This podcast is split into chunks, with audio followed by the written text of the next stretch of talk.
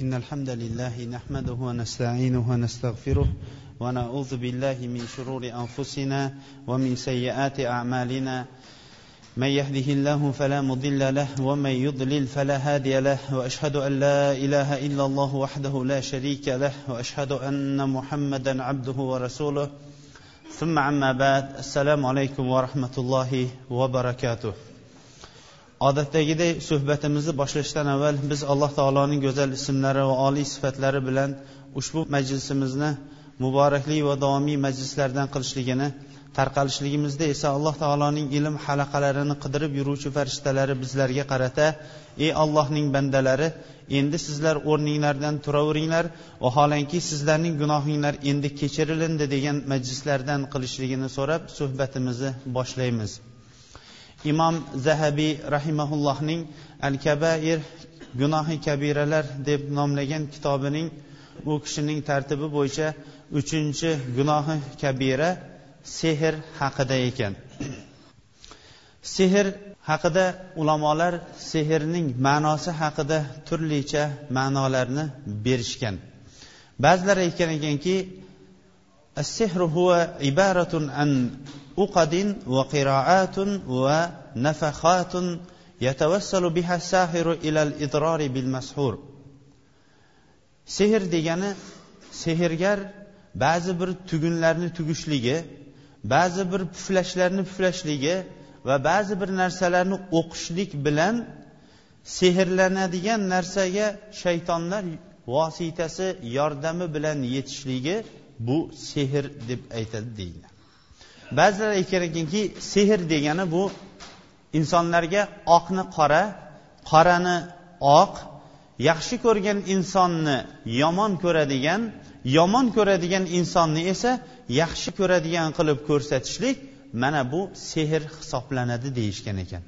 Haqiqatdan ham yuqorida zikr qilingan ikkita ta'rifning o'zi ham sehr uchun bizlarga ma'lumot olishlikka yetarli katta ma'lumot bo'ladiki sehr insonlar uchun oqni qora qorani oq yaxshi ko'rganni yomon ko'radigan yomon ko'radiganni yaxshi ko'radigan ota bilan bola ona bilan bola er bilan xotin o'rtasini ajratishlikka ba'zan esa insonlarning olmaydigan narsasini oladigan oladigan narsasini esa olmaydigan ravishda qilib berishligi mana bu sehr hisoblanadi. Sehr ishlatishlik ikki tur bilan bo'ladi deyishgan ulamolarimiz. Uning bir qismi inson jin va shaytonlar vositasi bilan insonlarning ko'zlariga hali yuqoridagi aytganday oqni qora qorani oq qilib ko'rsatishligi ikkinchisi esa tez harakat qilishlik vositasi bilan. Buni bugungi kunda ko'pchilik fokus deb biladi ya'ni tez harakatlar qilishlik bilan insonlar ko'ziga mana shunaqa insonlar odatlanmagan g'ayri tabiiy narsalarni ko'rsatishlik ham sehr hisoblanar ekan. Sehrning tarixiga keladigan bo'lsak sehr nihoyatda uzoq tarixdan boshlangandir. Rivoyat qilinishicha isroiliyatlardan deb keladi ibn kasir rahimaulloh o'zining tafsirida va shayx ibn usaymin rahimaulloh ham bu baqara surasidagi bir yuz ikkinchi oyatdagi shayotin oyat bilan boshlangan bu oyatning tafsirida ibn usaymin rahimaulloh ham bobilda insonlarni ko'p sehr shunchalik ravishda ko'p rivojlanib ketganligi va ularning hammasi ham sehr bilan shunchalik ko'p shug'ullanganliklaridan sulaymon alayhissalom davrida va u kishidan keyin ham insonlar sehrga shunchalik ko'p ruju berishib o'zlarini hattoki ba'zilari o'sha odamlar qila olmaydigan sehrlarni ko'rsatib turib o'zlariga payg'ambarlikni davo qiladigan ravishda ko'p bo'lib ketganligi uchun alloh subhanava taolo ikkita farishtani jo'natadi.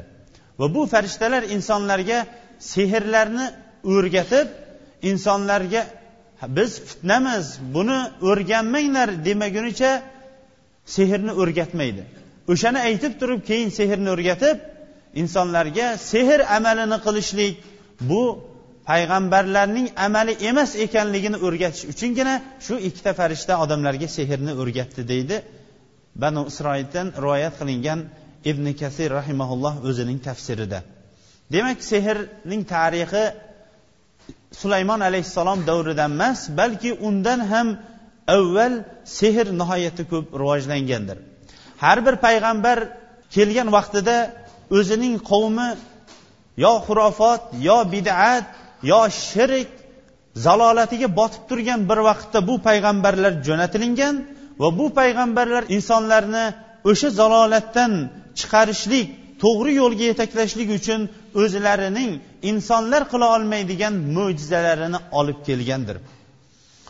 وما يعلمان من أحد حتى يقولا إنما نحن فتنة فلا تكفر فيتعلمون منهما ما يفرقون به بين المرء وزوجه bu oyatni yuqorida boshlanishi vattabau ma tatlu shayotinu ala mulki sulaymon وما كفر سليمان ولكن الشياطين كفروا يعلمون الناس السحر sulaymon alayhissalom davrida insonlar ya'ni banu isroil shaytonlar aytayotgan gaplarni shaytonlar ularga tizib berayotgan yo'llarga ergashishlik bilan va shaytonlar aytayotgan narsalarni aytishlik bilan ular kofir bo'ldi lekin sulaymon alayhissalom kofir bo'lmaganti ammo shaytonlar kofir bo'lgantilar insonlarga sehrni o'rgatganliklari uchundir deydi وما كفر سليمان ولكن الشياطين كفروا يعلمون الناس السحر sulaymon kofir bo'lmagandi lekin shaytonlar insonlarga sehrni o'rgatganligi uchun ham ular kofir bo'lgandi deydi. Demak sehrni o'rgatgan inson agar kofir bo'ladigan bo'lsa sehrni o'rgangan inson ham albatta kofir bo'lishligi muqarrardir. Sulaymon alayhissalom olib kelgan yo'l alloh subhanava taoloning risolatini yetkazishlik edi u kishi ham o'zga payg'ambarlar singari o'zining omonatini insonlarga topshirardi. Shuning uchun ham alloh taolo u kishini oqlab turib vama kafara sulaymon sulaymon kofir bo'lmadi. Lekin shaytonlar insonlarga sehrni o'rgatib turib kofir bo'ldi deydi. Harut va marut degan ikkita farishta bobilda insonlarga nozil bo'lib tushdi va ular insonlarga sehrni o'rgatisha boshladi. Lekin ular sehrni o'rgatishlikdan maqsad payg'ambarlik nima ekanligini ko'rsatib berishlik sehrgarlar bilan ollohning do'stlari bilan shaytonning do'stlari o'rtasida hujjatni barpo qilishlik. Keyin esa ular min ahadin hatta yaqula nahnu fitnatun fala takfur. Ularning birontasi o'rgatishligidan avval biz fitnamiz bizga iymon keltirib biz o'rgatayotgan sehrni qilib turib kofir bo'lib qolmang demagunicha ularning birontasi insonlarga sehrni o'rgatmadi. Mana bu o'rinda savol tug'ilishligi mumkin deydi ibn usaymin rahimaulloh qanday qilib alloh subhanava taolo hurmatli bo'lgan farishtalarni insonlarga sehr o'rgatishlik uchun jo'natadi vaholanki farishtalar insonlarga faqatgina bashariyat tarixi bilganda yaxshiliknigina olib kelganku deganga u kishi o'zi javob berib turib aytadiki ular olib kelgan birinchi masala insonlarni imtihon qilishlik ikkinchisi esa insonlarga olib kelgan yaxshiligidir. Hatto insonlarga shaytonning do'stlari bilan rahmonning do'stlari ikkovini o'rtasini ajratib berishlik bo'ldi. Biz fitnamiz bizlarning qilgan amalimizni qilib turib kofir bo'lib qolmang deb nasihat bermagunicha odamlarga ular sehrni o'rgatishmadi.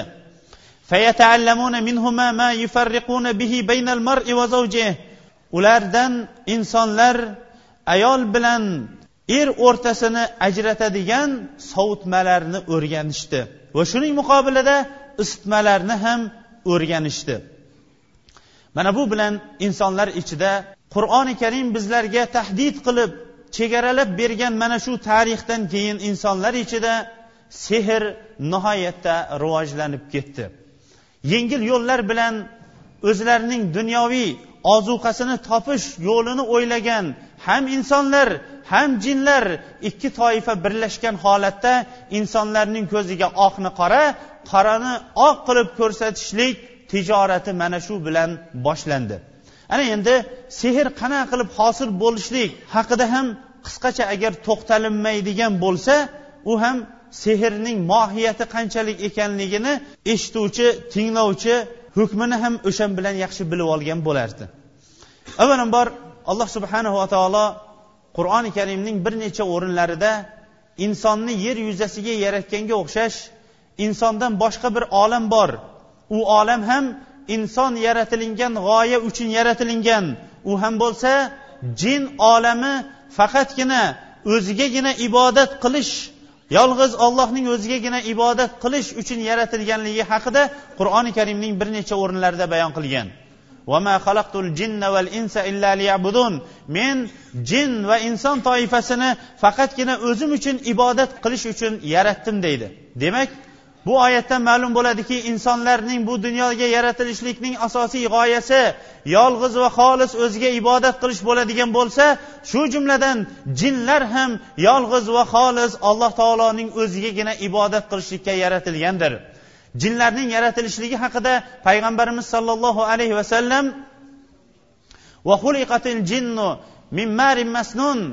jin o'tning uchidan alangasidan boshqa rivoyatda esa cho'g'idan yaraldi dedi. Insonlar agar tuproqdan yaralgan bo'lsa jinlar o'tdan yaralganligini payg'ambarimiz sollallohu alayhi vasallam bayon qildi. Uning ustiga jinlarga berilingan ba'zi bir qobiliyatlar bo'ldi. O'shalardan bittasi jinlar bizlarni ko'rib tura oladi lekin biz jinlarni ko'ra olmaydigan faqatgina olloh xohlagan vaqtdagina ko'radigan ularga bir imkoniyatni berdi. Yana ularga berilgan imkoniyatlardan bittasi ular insonning ichiga kira olishlik va insonning ichida turib insonni boshqarishlik qobiliyatini ham o'sha jinlarga berdi. Payg'ambarimiz sollallohu alayhi vasallam imom buxoriy va muslim rivoyat qilgan hadisda inna shaytona yajri min ibni adama majraddam shayton odam farzandining qon tomirida yuradi dedi. Qon tomiriga kirgan jin endi insonning hamma tomirlari jamlangan boshidagi miyaga o'tirib olib xuddi inson bir kichkinagina xonachaga o'tirib olib butun bir shaharchani boshqarib o'tirganday o'sha miyaga o'tirgan jin insonni boshqaradigan imkonini alloh subhanava taolo jinlarga berib qo'ydi. Lekin esimizdan chiqmasligi kerakki jinlar insonlardan qancha baravar zaif etilgan holatda yaratilingandir. Mana shu bilan insonlarning ham ba'zilari o'zlarining hayotlarini yengil ravishda hayot o'tkazishligi uchun jinlarning kattalari bo'lmish shaytonlar bilan o'rtada o'zaro sulh yoinki kelishim tuzib turib ana undan keyin o'rtada sehr amaliyotini amalga oshirishlikka kirishdi. Sehr amaliyotini oshirishlik uchun shaytonlar o'sha sehrgarni toza va aniq dindan chiqqanidan keyingina uning shartnomasiga rozi bo'lishligini ham bayon qilishdi.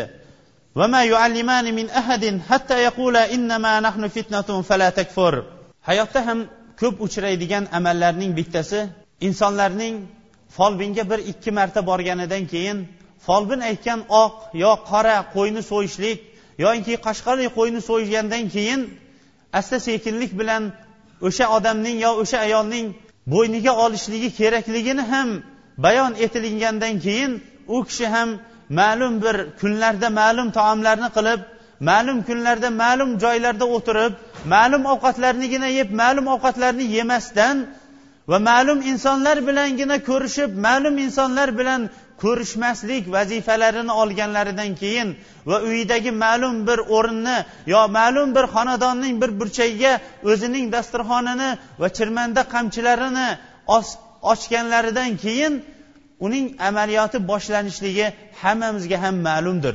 Ammo ularni boshqarib turgan boshqarib turgan ularning boshliqlari o'zlarining do'stlari bo'lmish shayton va jinlardan iborat edi. Shayton va jinlar inson bolasini yo'ldan chiqarishlikka ichgan qasamini to qiyomatgacha davom ettiradi. O'sha davom ettirayotgan amallaridan bittasi insonlarning ko'pchiliklarining bo'ynidagi tug'ilingan vaqtidagi payg'ambar alayhissalom xabar bermoqchi kullu mavludin yuladu alal fitra har bir tug'ilingan go'dak fitrat bilan islom bilan tug'iladi deb xabar berdi. O'sha islomini shahodat la ilaha illallohning o'rniga bo'yniga kufr kalimasini oldirib turib folbinni yo'ldan chiqarganidan keyin folbin aniq va ochiq kofir bo'lganidan keyin ollohdan boshqaga atab turib duo qilishlik ollohdan boshqadan erlar va sherlardan madad so'rashlik va ularga atab turib ba'zi kunlarda taomlarni tanovul qilishlik va ba'zi kunlarda alloh taolo halol qilgan taomlarni yemaslik va ma'lum kunlarda o'zlariga xos bo'lgan ibodatlarni qilishlik mana bular bilan jinlar folbinlarni to'liq dindan chiqarib yuborganidan keyingina ular o'zlarining amaliyotini ya'ni sehr amaliyotini boshlashadi. Payg'ambarimiz sollallohu alayhi vasallam sehrdan nihoyatda qattiq qaytardilar. Aytdilarki ijtanibu asab al mubiqot odamni halokatga uchraytadigan odamni o'ltiradigan yettita halok qiluvchi katta gunohdan saqlaninglar dedi. O'shalar jumlasida sehrni ham zikr qilib o'tdi. Haqiqatan ham sehr insonni halokatga uchratadigan nihoyatda katta bir gunohlarning bittasi hisoblanadi. Chunki eng birinchi halokati uning iymondan ayrilishligi ikkinchi halokati esa uning o'zgalarni halok qilishligi o'zgalarni dindan chiqarishligi oxiratdagi halokati esa alloh subhanava taolo aytmoqchi auzu billahi minash shaytonir rojim ولقد علموا لمن اشتراه ما له في الآخرة من خلاق ولبئس ما شروا به أنفسهم لو كانوا يعلمون agar ular sehrgarlar sehrni o'rgatganlar bilganlarida edi ular dunyo oxiratlarini dunyodagi ozgina matolar bilan oxiratlarini nimaga sotib yuborayotganlarini bilganlarida edi. Ular naqadar yomon narsaga dunyodagi yomon narsaga oxiratini sotib qo'yyaptiya deb bunga inkor ravishda oxiratini ular yo'qotib qo'yayotganligining xabarini beradi. Payg'ambarimiz sollallohu alayhi vasallam la ilaha illa ana laysa minni man sahara vala man suhira lahu ولا من تكهن ولا من تكهن له ولا من تطير ولا من تطير له vahb ibn munabbih aytadiki ba'zi kitoblarda kelgan narsa alloh subhanava taolo aytadiki mendan boshqa ibodat qilishlikka haqli zot yo'qdir. Mendan masdir kim sehr qiladigan bo'lsa mendan masdir kim sehrgarning aytganini tasdiqlaydigan bo'lsa mendan emasdir kim folbinlik qiladigan bo'lsa va mendan emasdir kim folbinning gapini tasdiqlab unga ergashadigan bo'lsa. Mendan emasdir kim shumlanadigan bo'lsa va mendan emasdir kim shumlanishlikni ishonib turib shumlanishlikning ortidan ergashadigan bo'lsa. Shumlanish degani agar yo'ldan biron bir mushukmi biron narsa o'tib ketadigan bo'lsa darrov yo'ldan qaytishlik hovliga qarg'a qo'nib qoladigan bo'lsa undan yomonlikni kutishlik boyo'g'li agar xonadonga kelib qoladigan bo'lsa undan shumlikni kutishlik va hokazo har bir ishlarda shumlikni kutishlik bu arab tilida shumlikni kutishlik tatayyur deydi. Shumlanishlik va shumlanishlikka ishongan va unga ergashganlar mendanmasdir deyapti. Imom ahmad o'zining musnadida rivoyat qilgan hadisda payg'ambarimiz sollallohu alayhi vasallam va an ali ibn abi tolibin qola rasululloh sollallohu alayhi vasallam salasatun la yadxulunal janna mudminu xamrin va qotiu rahimin va musaddiqun bissehri uch toifa odamlar borki ular jannatga kirmaydilar dedi. Ularning birinchisi mast qiluvchi ichimlikka doim sho'ng'ib mast bo'lib yuradigan odam.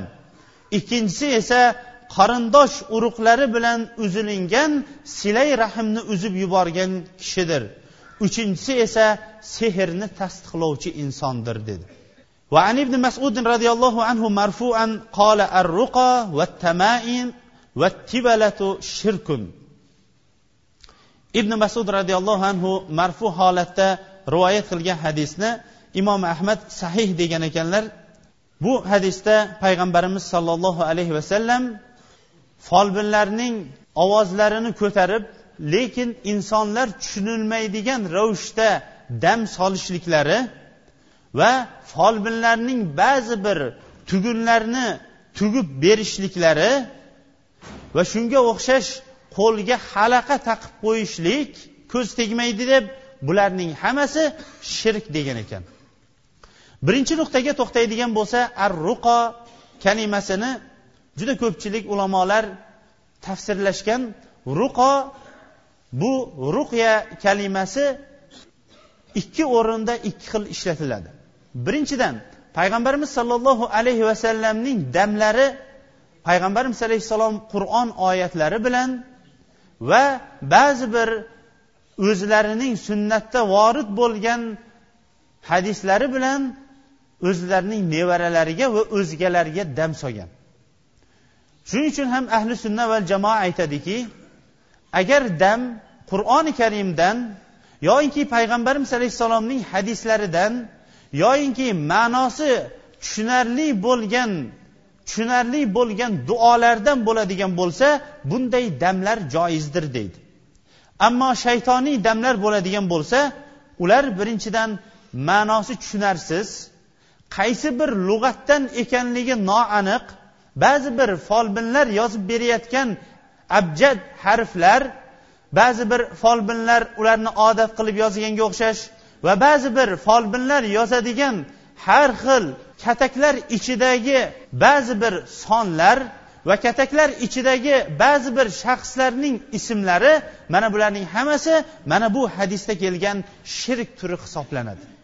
Shuning uchun ham inson dam soldirayotgan insoni kim ekanligiga ham bir e'tibor bermoqligi albatta kerakdir sehr haqida payg'ambarimiz sollallohu alayhi vasallam bizlarga bayon etib turib yana قتن ابن قبيس عن أبيه أنه سمع النبي صلى الله عليه وسلم قال إن العيافة والترق والطيرة من الجبت payg'ambarimiz sollallohu alayhi vasallam aytdilarki mana bu hadislari bilan sehrning turlarini bayon qilib berdi. Bu hadisning ma'nosini aytishligimizdan avval ozgina sehrning turlariga ham to'xtab o'tishligimiz maqsadga muvofiq bo'lgan bo'lardi. Bugungi kunda sehrning turlari nihoyatda ko'payib ketdi. Agarchi avval sehrgarlar o'zlarining uylari xarob hovlilari ham xarob ust boshi ham xarob inson oldiga boradigan bo'lsa inson ranjiydigan jirkanadigan ravishdagi ust boshi sassiq va iflos kiyimlarda boshlari esa paxmoq bo'lib ketadigan ravishda uzoqdan uning o'sha qishloqning sehrgari ekanligini biladigan bir yoyinki ikki qishloqda topiladigan sehrgar o'sha zamonlarda ya'ni avval topiladigan bo'lsa deydi. Bugungi kundagi sehrgarlar o'zgacha bir suratni oldi. Bugungi kundagi sehrgarlar o'zlarining liboslarini inson ko'radigan bo'lsa uni bir oliy janob bo'lgan katta bir lavozimlarda ishlaydigan liboslarni kiyib olgan ba'zilari esa hattoinki musulmonlarning shiorlari bo'lgan soqol va musulmonlarning shiorlari bo'lgan salla va choponlarni kiygan ba'zilari esa xuddi bugungi asrimizda ba'zilari esa shaharlarda o'zlariga alohida xonalarni ochgan davlatdan ruxsatlarini olgan ravishda ishlarini olib bormoqda. Ammo ularning qilayotgan ishlarining turlari nihoyatda ko'p. Sehr qilishlik folbinlik qilishlik fol ochishlik ba'zilari qushni uchirib yuborib fol ochadigan bo'lsa ba'zilari yulduzga qarab turib fol ochishlik ba'zilari esa inson kirishligi bilan sayrab ketishligi ba'zilari esa umuman mutloq gapirmay turib olishlari ba'zilari esa insonga ko'rinmay turib chiroqni ham o'chirib qorong'ining o'zida turib gapirishliklari ba'zilari esa insonlarni ma'lum soatlardagina qabullab ma'lum soatlarda qabullamaslik va hokazo mana bunga o'xshagan sehrning turlari bugungi kunda nihoyatda ko'payib ketdi. Payg'ambarimiz sollallohu alayhi vasallamga berilingan mo'jizalarning bittasi javomil kalim. O'zi qisqayu ma'nosi keng bo'lgan to oxiratgacha yaraydigan oxiratgacha hamma bu sehrlarning turlarini o'z ichiga oladigan kalimalar payg'ambarimiz sollallohu alayhi vasallamga berilgan edi. Mana shu yuqorida o'qilgan hadisimizda ham payg'ambarimiz sollallohu alayhi vasallam qushlarni uchirib turib folbinlik qilishlik yerga chizib turib folbinlik qilishlik va shumlanishlik shirkdir ya'ni sehrdir deb payg'ambarimiz sollallohu alayhi vasallam xabar bergan ekan وعن ابن عباس رضي الله عنهما قال قال رسول الله صلى الله عليه وسلم من اقتبس شعبة من النجوم فقد اقتبس شعبة من السحر زاد ما زاد رواه أبو داود وإسناده صحيح payg'ambarimiz sollallohu alayhi vasallam bu hadisda aytdilarki kim yulduzning bir bo'lagini yulduz ilmiga kirishib yulduzlar bilan fol ochishlikni o'ziga lozim tutib oladigan bo'lsa sehrning bir qismini o'ziga olyapti qancha buni ko'paytiradigan bo'lsa shuncha o'zining sehrini ko'paytiribdi dedi وللنسائي من حديث أبي هريرة رضي الله عنه من عقد عقدة ثم نفس فيه فقد سحر ومن سحر فقد أشرك ومن تعلق بشيئا وكل إليه bu hadisda payg'ambarimiz sollallohu alayhi vasallam kim bir tugunlarni tugadigan bo'lsa so'ngra unga puflaydigan bo'lsa sehr ishini qilibdi dedi bugungi kunda mana bunaqa sehrlar nihoyatda ko'payib bormoqda insonga tugunlarni tugib berishlik yoyinki ma'lum bir joydagi qabristonning tuprog'ini olib kelib o'sha tuproqqa o'zlarining nafasini urishlik yoyinki insonlardan yo hayvonlardan qolgan badan yo hojat qoldiqlariga nafas urishlik va ma'lum bir narsalarni olib kelib ma'lum bir qo'g'irchoqqa o'xshagan narsalar yoki ba'zi bir hayvonchalarning uyalariga ignalarni tiqib turib nafas urishlik mana bularning hammasini ham payg'ambarimiz alayhissalom sehrdandir dedi. Va bu ming afsuslar bo'lsinki bugungi kunda nihoyatda ko'pdir.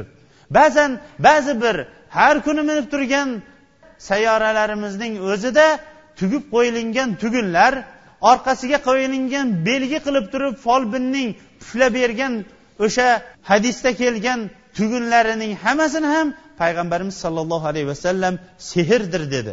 Ha hadislarning davomida kim sehr amalini qiladigan bo'lsa shubhasiz alloh taologa shirk keltiribdi. Kim bir narsaga o'sha narsalarga qalbi bog'lanib qoladigan bo'lsa qalbi o'shanga bog'langanicha qoladi dedilar. Mana bu sehr va sehrning ba'zi bir turlari hisoblanadigan bo'lsa sehrgarlarga borishlikning hukmini ham payg'ambarimiz sollallohu alayhi vasallam nihoyatda qattiq qoraladilar va qattiq uning mazammati va oxiratdagi va dunyodagi azobi qattiq ekanligini xabarini berib turib روى مسلم في صحيحه عن بعض أزواج النبي صلى الله عليه وسلم أن النبي صلى الله عليه وسلم قال من أتى عرافا فسأله عن شيء فصدقه بما يقول لم تقبل له صلاة أربعين يوما payg'ambarimiz sollallohu alayhi vasallamning ba'zi bir ayollaridan onalarimizdan deydi sharhlovchi muallif rahimaulloh aytadiki hafsa onamizdan payg'ambarimiz sollallohu alayhi vasallam aytdiki kim bilagonga boradigan bo'lsa ya'ni bilagon g'ayibni davo qiluvchi buni turli nomlar bilan bugungi kunda atashlik mumkin bilagonmi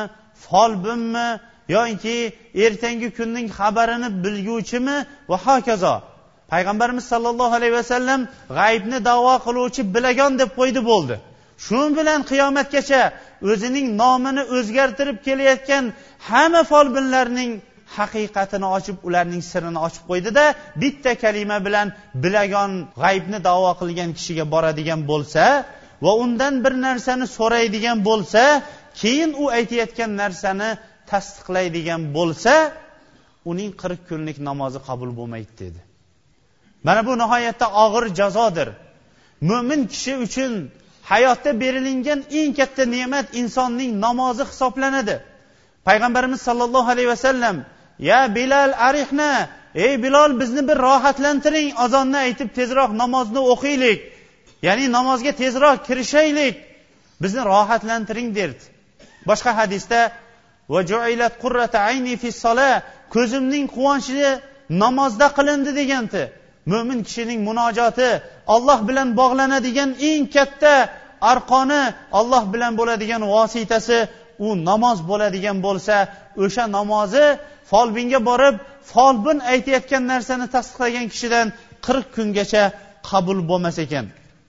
Imom navaviy aytgan ekanki agarchi qirq kun mobaynida o'qisa ham o'zining farzini soqit qilgani bilan uning savobi bo'lmaydi degan ekan. وعن أبي هريرة رضي الله عنه أن النبي صلى الله عليه وسلم قال من أتى كاهنا فصدقه بما يقول فقد كفر بما أنزل على محمد صلى الله عليه وسلم رواه أبو داود payg'ambarimiz sollallohu alayhi vasallam mana bu hadisda oydin ochiq folbinlik lafzi bilan bayon etib keldilarda abu hurayra roziyallohu anhudan rivoyat qilgan hadisda kim folbinga boradigan bo'lsa va u aytgan narsani tasdiqlaydigan bo'lsa muhammad alayhissalomga nozil bo'lgan narsaga kofir bo'pti dedi. Nozil bo'lgan narsaga kofir bo'pti deganlarni ba'zi bir muhaddislar payg'ambarimiz alayhissalom olib kelgan shariatga deydigan bo'lsa ba'zi bir muhaddislar qur'oni karimga degan ba'zilari esa dinga degan. Umumiy biz tushunamizki payg'ambar alayhissalom olib kelgan yo'lga folbinga borib folbin aytayotgan narsani tasdiqlagan kishi kofir bo'lishligida muharrardir shubha yo'qdir. Chunki payg'ambarimiz alayhissalom sahih va sobit bo'lgan xabarlar bilan buni xabarini berdi. Endi mana shu yerda bir o'ylab qaraylik. Agar folbinga borgan odam va folbin aytayotgan narsani tasdiqlagan odam payg'ambar alayhissalomga nozil bo'lgan shariatga kofir bo'ladigan bo'lsa folbinning o'zi kim bo'libdi? Folbinning o'zi kim? Mana bu hammamiz uchun ham og'ir bir so'roq bo'lmoqligi kerakki ba'zan ba'zi namozni besh vaqt namoz o'qib yurgan ba'zi bir kishilar keladida bilasiz deydi o'zini oqlashlik uchun. Bilasiz biz folbinga bormaymiz folbin aytganini ham tasdiqlamaymiz lekin ayollarda ayollar borib qo'yibdi folbin bunaqa debdi endi shuni qilib yuborsak qanaqa bo'ladi deydi. Bu kishi kim bo'ldiyu? Yuborgan ayollari kim bo'ldiyu? Tasdiqlayotgani kim bo'ldi? Mana shu bilan biz xoh sezibmi o'zimiz? Xoh sezmaymi? Folbinlarning tijoratini kuchaytirib yubordik.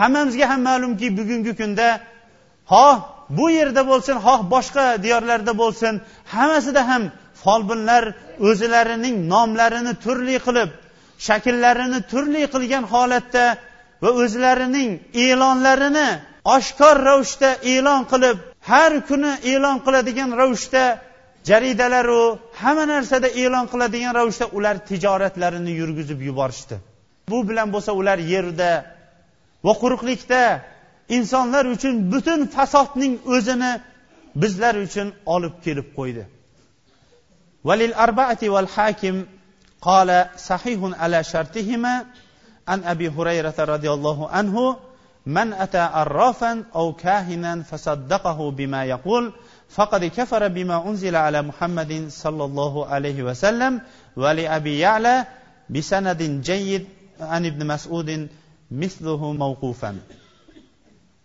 boshqa bir muhaddislarning rivoyati bo'yicha payg'ambarimiz sollallohu alayhi vasallam bu hadisda ikkita narsani jamladi kim bilagonga yoki folbinga boradigan bo'lsa g'aybni davo qilgan har qanaqa kishi bilagan hisoblanaveradi shart emas uning bo'yniga olganligi keyin esa u aytayotgan narsani tasdiqlaydigan bo'lsa muhammad alayhissalomga nozil bo'lgan dinga kofir bo'pti dedilar وعن إمران بن حسين رضي الله عنه مرفوعا ليس منا من تطير أو تطير له أو تكهن أو تكهن له أو سهر أو سهر له ومن أتى كاهنا فصدقه بما يقول فقد كفر بما أنزل على محمد صلى الله عليه وسلم رواه البزار بإسناد جيد imron ibn husayn roziyallohu anhudan marfu holatda rivoyat qilingan hadisda payg'ambarimiz sollallohu alayhi vasallam bizdan masdir deyapti bizdan masdir kim shumlanadigan bo'lsa shumlanishlikni hali yuqorida aytganimizga o'xshash yo'ldan mushuk chiqib qoladigan bo'lsa orqaga qaytishlik boyoqli uyga kelib qoladigan bo'lsa darrov yomonlik kelishligini o'y hayol qilishlik va hokazo qarg'ani ko'rib qolsa va hokazo shunga o'xshagan maxluqlardan yomonlikni qo'lidan keladi deb turib qo'rqib ketishlikning hammasi shumlanishlik hisoblanadi. Bizdan emasdir shumlangan inson yoki shumlanganga ishonib unga ergashgan inson va yana bizdan emasdir deyapti payg'ambarimiz alayhissalom folbinlik qilgan inson. Yoinki folbinlarga ergashgan va folbinlar aytgan narsani tasdiqlaganlar bizdan emasdir sehr amalini qilganlar yoinki sehr amalini qilganlarni tasdiqlab ularga ergashganlar va bizdan emasdir folbinlarga borganlar va ular aytgan narsani tasdiqlaganlar balki muhammad alayhissalomga uni tasdiqlaganlar olib kelgan yo'liga kofir bo'ladi dedi.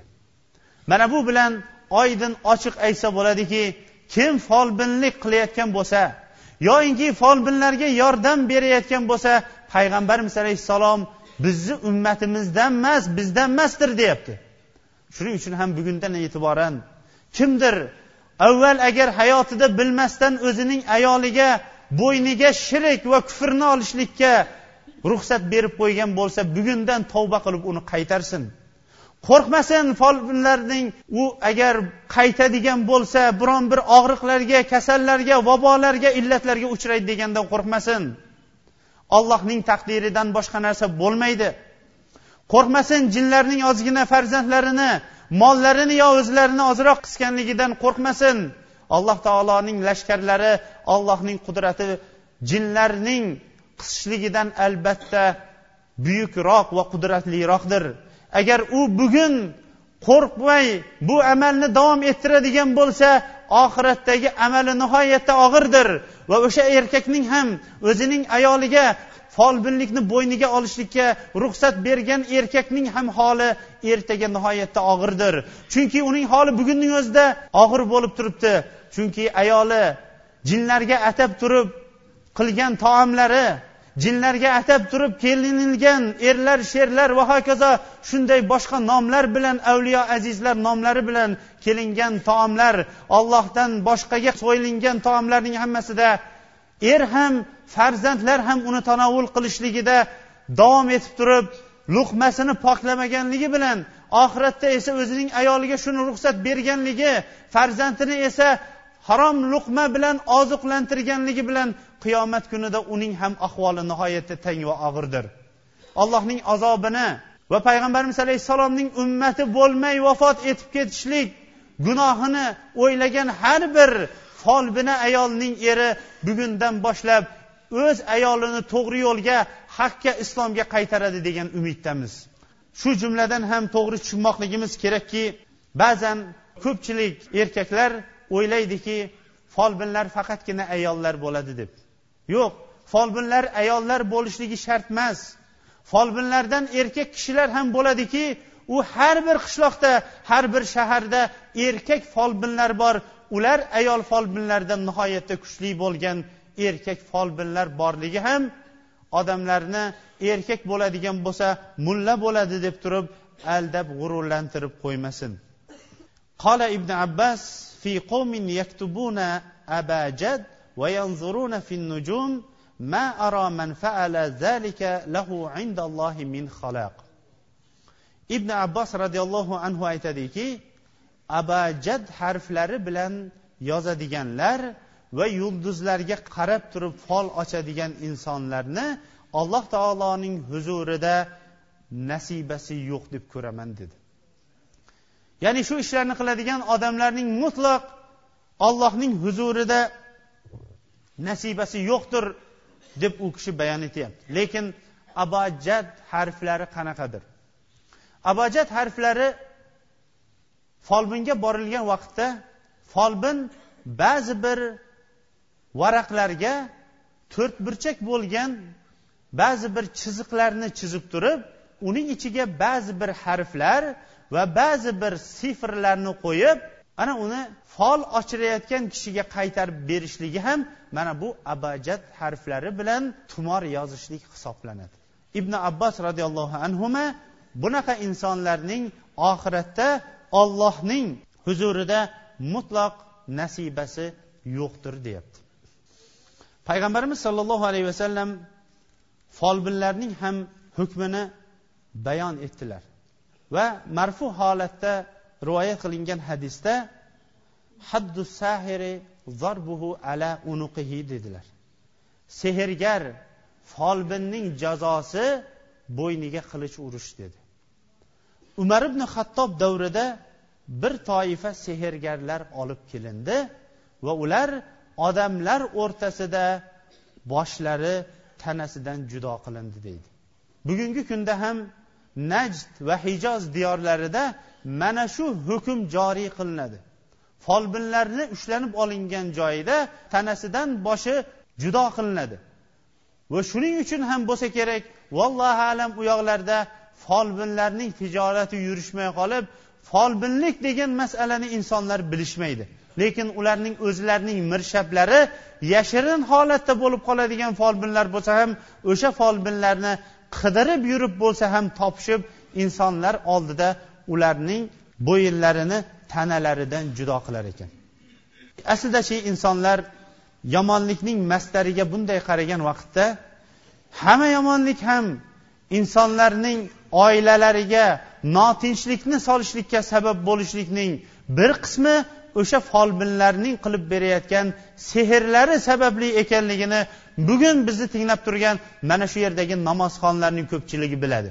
Chunki ularning xonadonlari notinch folbinning qilgan sehri sababli notinch bo'lib turgan xonadonlar bugungi kunda qancha qancha va qancha qanchalari o'zlarining tijoratlari yurmay qolganliklari va qancha qanchalari uydan ko'chaga chiqqan vaqtda eshigining tagidan ba'zi bir tuproq qumlar va ba'zi narsalar sepilganini topganliklari va qancha qanchalari o'zlarining uylaridan yotgan yostiqlarining ichidan qanday narsalarni topganliklari va qancha qanchalari oilalari o'sha sababli notinch va qancha qanchalari o'sha sababli bemor xasta holatda yotganliklarini haqida bugungi kundagi namozxonlar buni nihoyatda yaxshi bilishadi.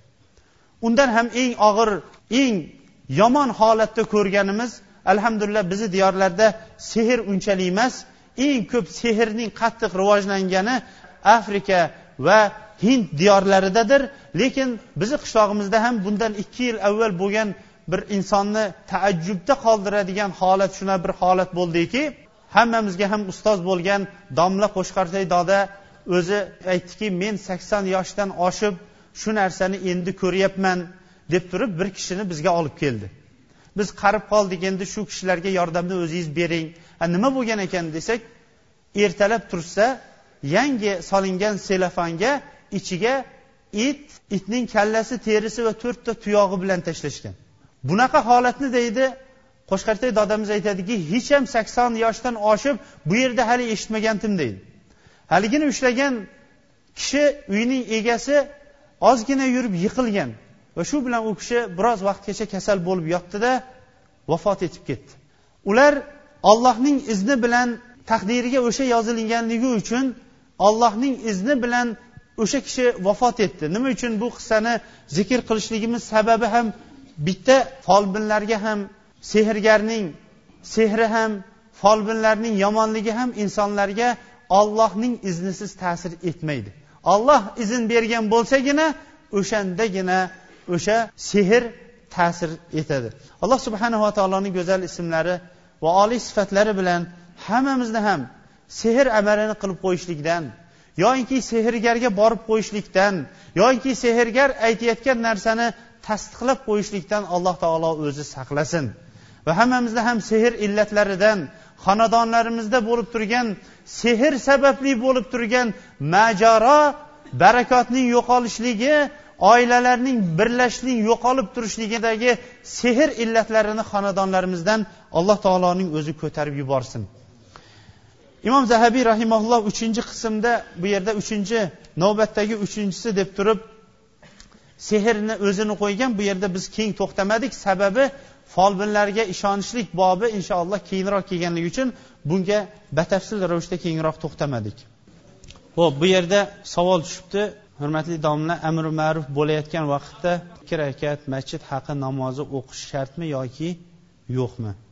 Payg'ambarimiz sollallohu alayhi vasallam xutba qilib turgan vaqtda sulaykinil g'atafoniy degan bir sahoba kelib namoz o'qimay o'tiradi. Shunda payg'ambarimiz alayhissalom xutbalarini to'xtatib turib namoz o'qidingizmi deydi.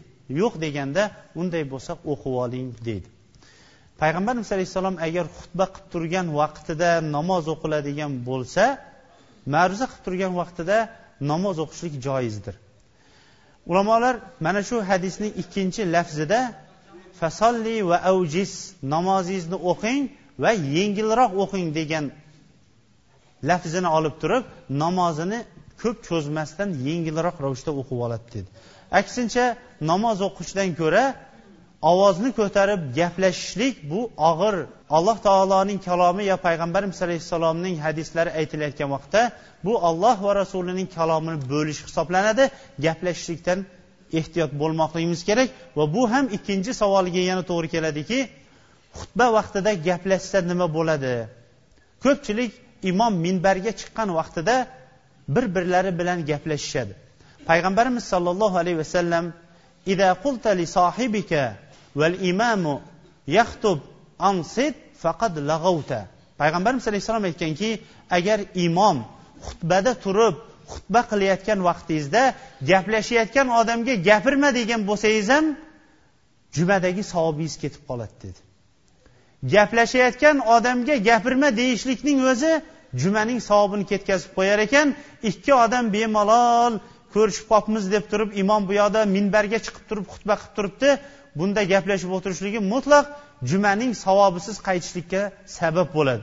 Shuning uchun ham hamma namozxon namozxonlarga shu ta'kidlab qo'ygan bo'lardiki imom xutbaga chiqqandan keyin har qanaqa gap so'zlar to'xtatilinadi agarchi zarur bo'ladigan bo'lsa ham shuni ishora bilan qilsin bo'lmasam o'n o'n besh daqiqa vaqtda shuni gapirmay sukut saqlab turishligi jumaning savobini to'liq olib ketishlikka sabab bo'ladi.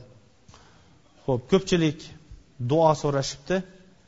Keyin bu yerda yana bir kishi bizga ham sal e'tirozlarini bildirib va ba'zi kishilarning ismlarini ham yozgan. U ham bo'lsa avvalda biz birinchi va oxirgi deb turib agar esinglarda bo'lsa bundan ikki yo uch juma avval shu yerdagi halol kalbasa e, qishlog'imizda chiqarayotganligi haqida xabar bergandik. Hozir ham shuni e'tiroz bildirishib ya'ni shu avval kalbasalar harom edi hozir endi halol bo'lib qoldimi degan ba'zi bir e'tirozlarni ham bildirishib keyin jalolov bahodir akamizni ham chiqarayotgan go'sht mahsulotlari ham shunaqami degan ravishda bir e'tiroz ravishda yozilingan. Biz endi hozircha biladiganimiz shuki kalbasaning harom halol bo'lishligi kalbasa ismida emas. Shuni yaxshi tushunaylik. Kalbasaning halol yoki harom bo'lishligi kalbasa ismida emas. Biz alhamdulillah alhamdulillah kalbasa o'sha vaqtlarda to'ng'izning go'shti va yog'i yoinki allohning nomi zikr etilmay so'yilgan go'shtlardan nafratlanganimiz uchun kalbasa kalimasining o'zi bizlar uchun nafrat bo'lib ketgan. Lekin uning go'shti allohning nomi yod etib so'yiladigan bo'lsa va halol ravishda tayyorlanadigan bo'lsa u endi boshqa bir hukmni olishligi muqarrardir.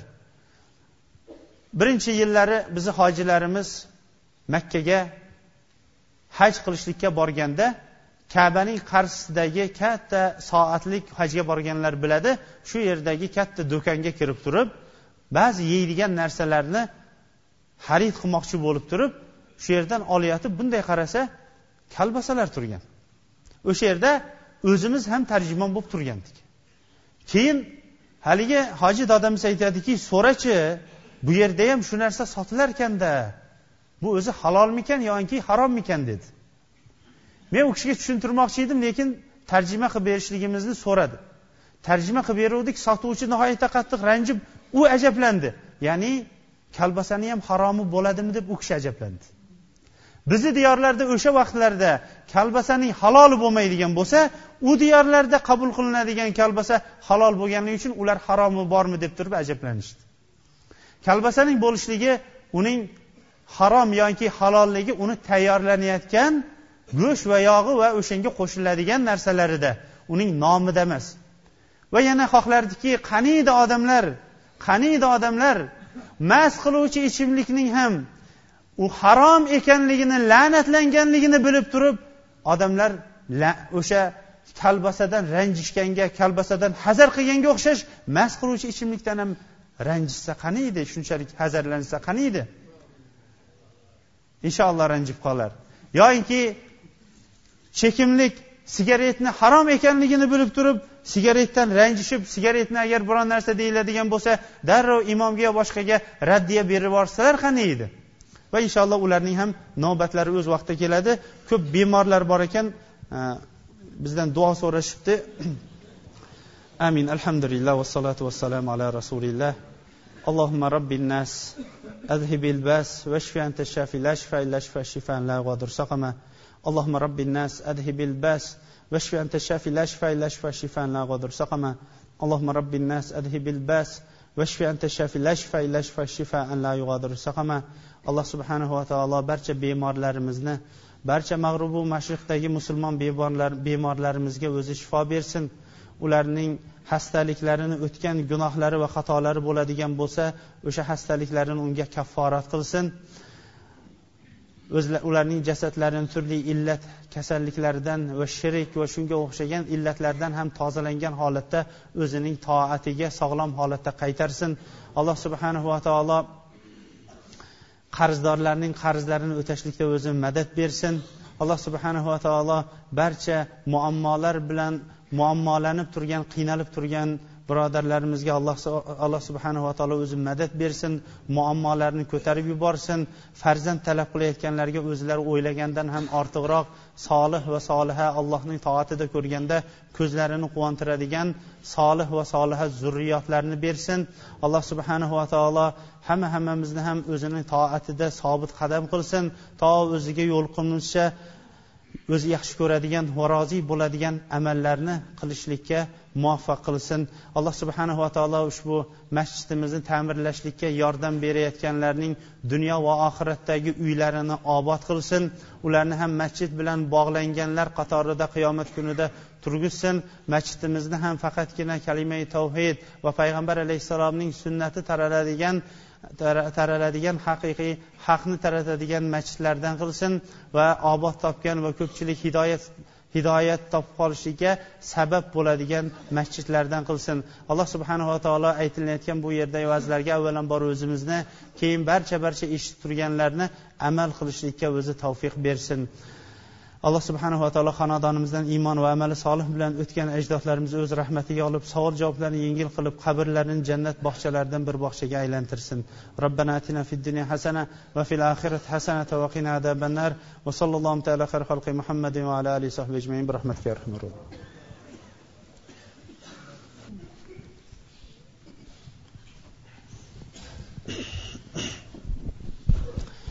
إن الحمد لله نحمده ونستعينه ونستغفره ونعوذ بالله من شرور أنفسنا ومن سيئات أعمالنا.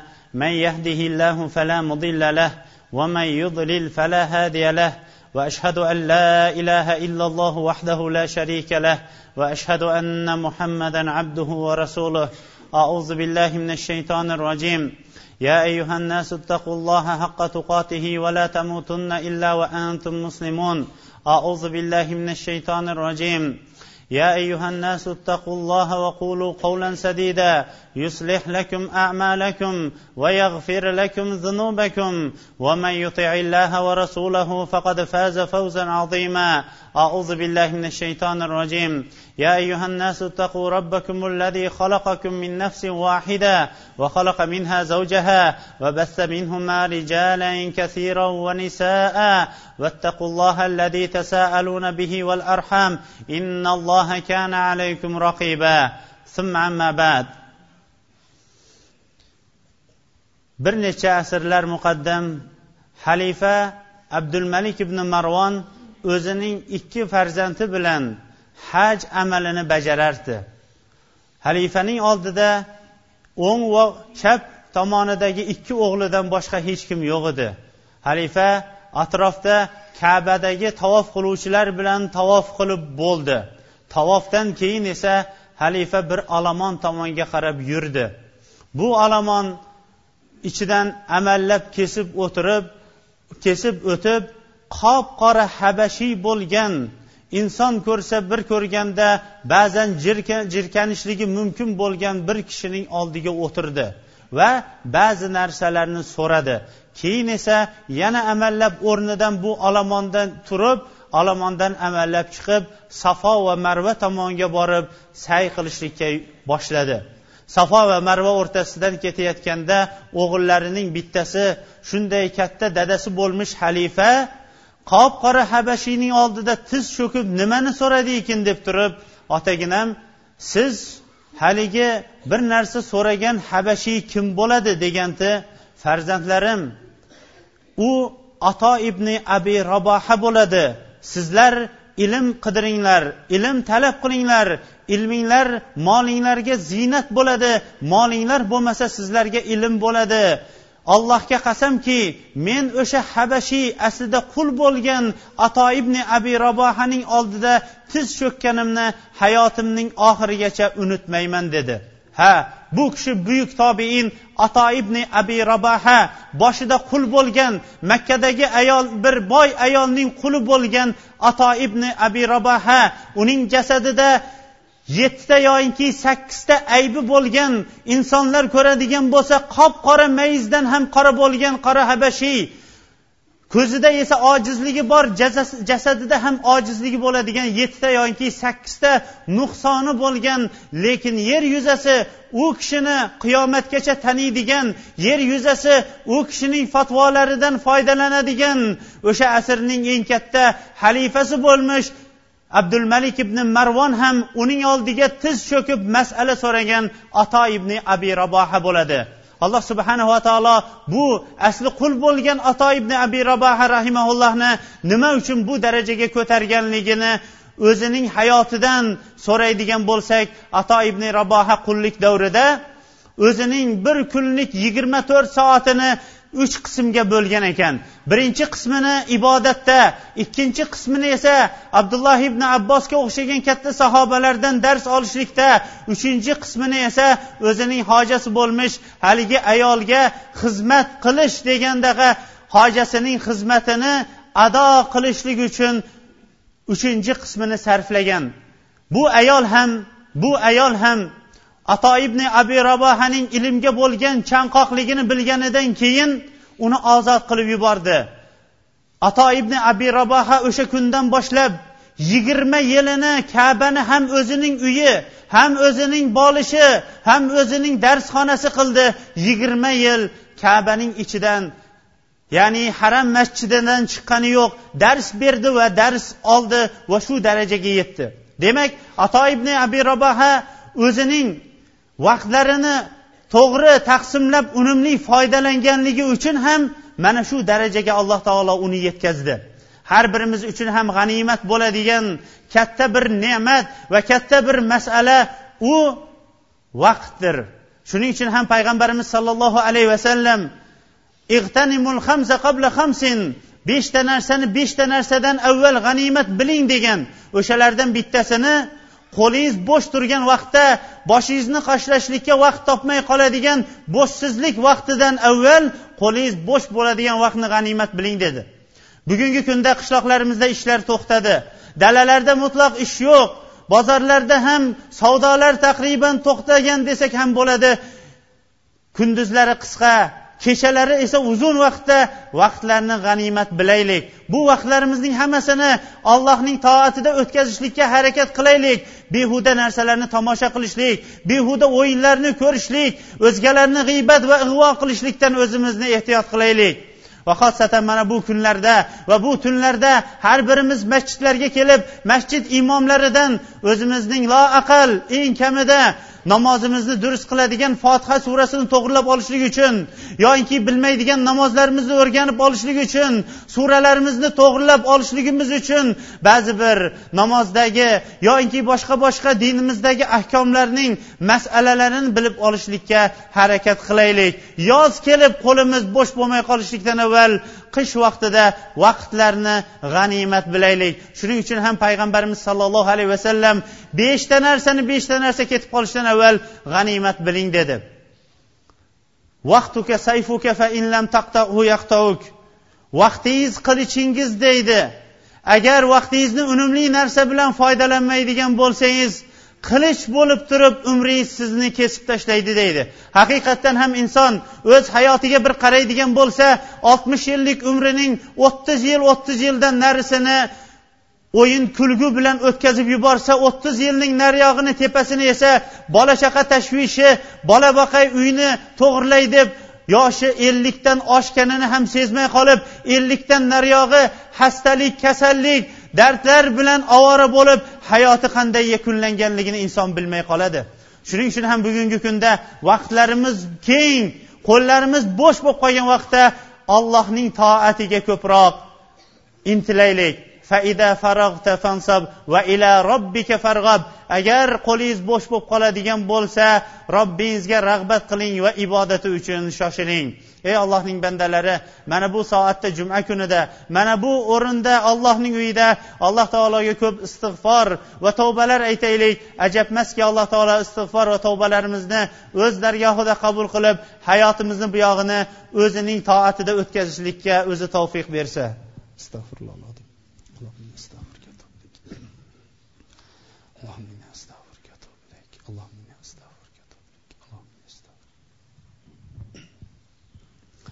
الحمد لله رب العالمين الرحمن الرحيم مالك يوم الدين والصلاة والسلام على نبينا محمد وعلى آله وصحبه ومن اهتدى بهديه إلى يوم الدين ثم أما بعد الله سبحانه وتعالى o'zining habibi va payg'ambarlarning sayyidi bo'lgan payg'ambarimiz sollallohu alayhi vasallamga ko'proq salotu salomlar yuborishlikka buyuradi Payg'ambarimiz sollallohu alayhi vasallam kim menga bir marta salovat aytadigan bo'lsa alloh taolo unga o'n marta salovat aytadi degan. Ulamolar aytganki juma kunida ko'proq salovat aytishlikka payg'ambar alayhissalom buyurgan. Shuning uchun ham juma kuni eng yaxshi qilingan ibodatlarning bittasi payshanbaning asridan keyin to jumaning asrigacha payg'ambarimiz alayhissalomga ko'proq salovatlar aytishlikdir deydi.